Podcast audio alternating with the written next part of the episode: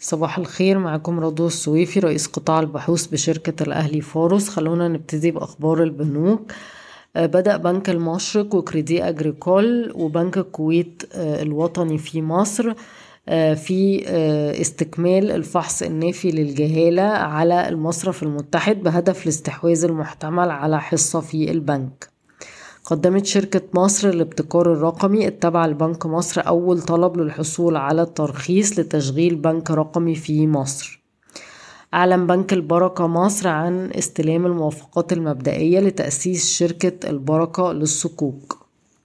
كشفت الهيئة العامة للرقابة المالية إن إجمالي استثمارات صناديق التأمين في مصر وصلت 11.5 مليار جنيه في أول ست شهور من 2023 بارتفاع 21% على أساس سنوي كما بلغت قيمة الأقساط المحصلة لشركات التأمين آه، ستة وتلاتين مليار جنيه بزيادة تسعة وعشرين في المية على أساس سنوي.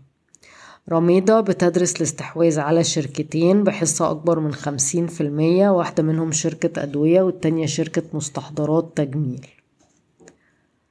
إعمار مصر وفقا لوسائل الإعلام المحلية افتتحت فندق أدرس آه، مراسي بيتش المكون من 356 غرفة والواقع فيه مشروع مراسي بالساحل الشمالي باستثمارات خمسة مليار جنيه. تجري شركة مصانع النسيج الصينية كينجدم هولدينجز مفاوضات للحصول على شركة نسيج تابعة لوزارة قطاع الأعمال وذكروا إن في حالة فشل الاستحواذ هتقوم الشركة ببناء مصنعها الخاص بتكلفة 60 مليون دولار أمريكي.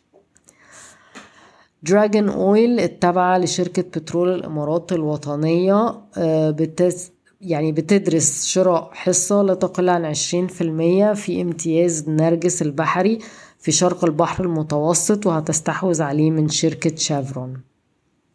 سريعا أفكركم بأسعار السلع العالمية.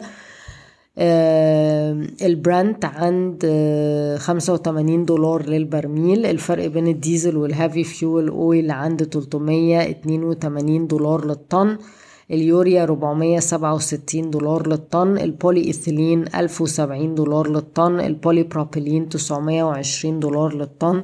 الفرق بين أسعار الحديد والخام 378 دولار للطن طلع 3% الألمونيوم عند 2089 دولار للطن. آه، الأسمنت في مصر ثابت عند 1710 جنيه مصري للطن. الفحم الحراري عند 150 دولار للطن واللبن البودرة عند 2333 دولار للطن. بشكركم ويوم سعيد.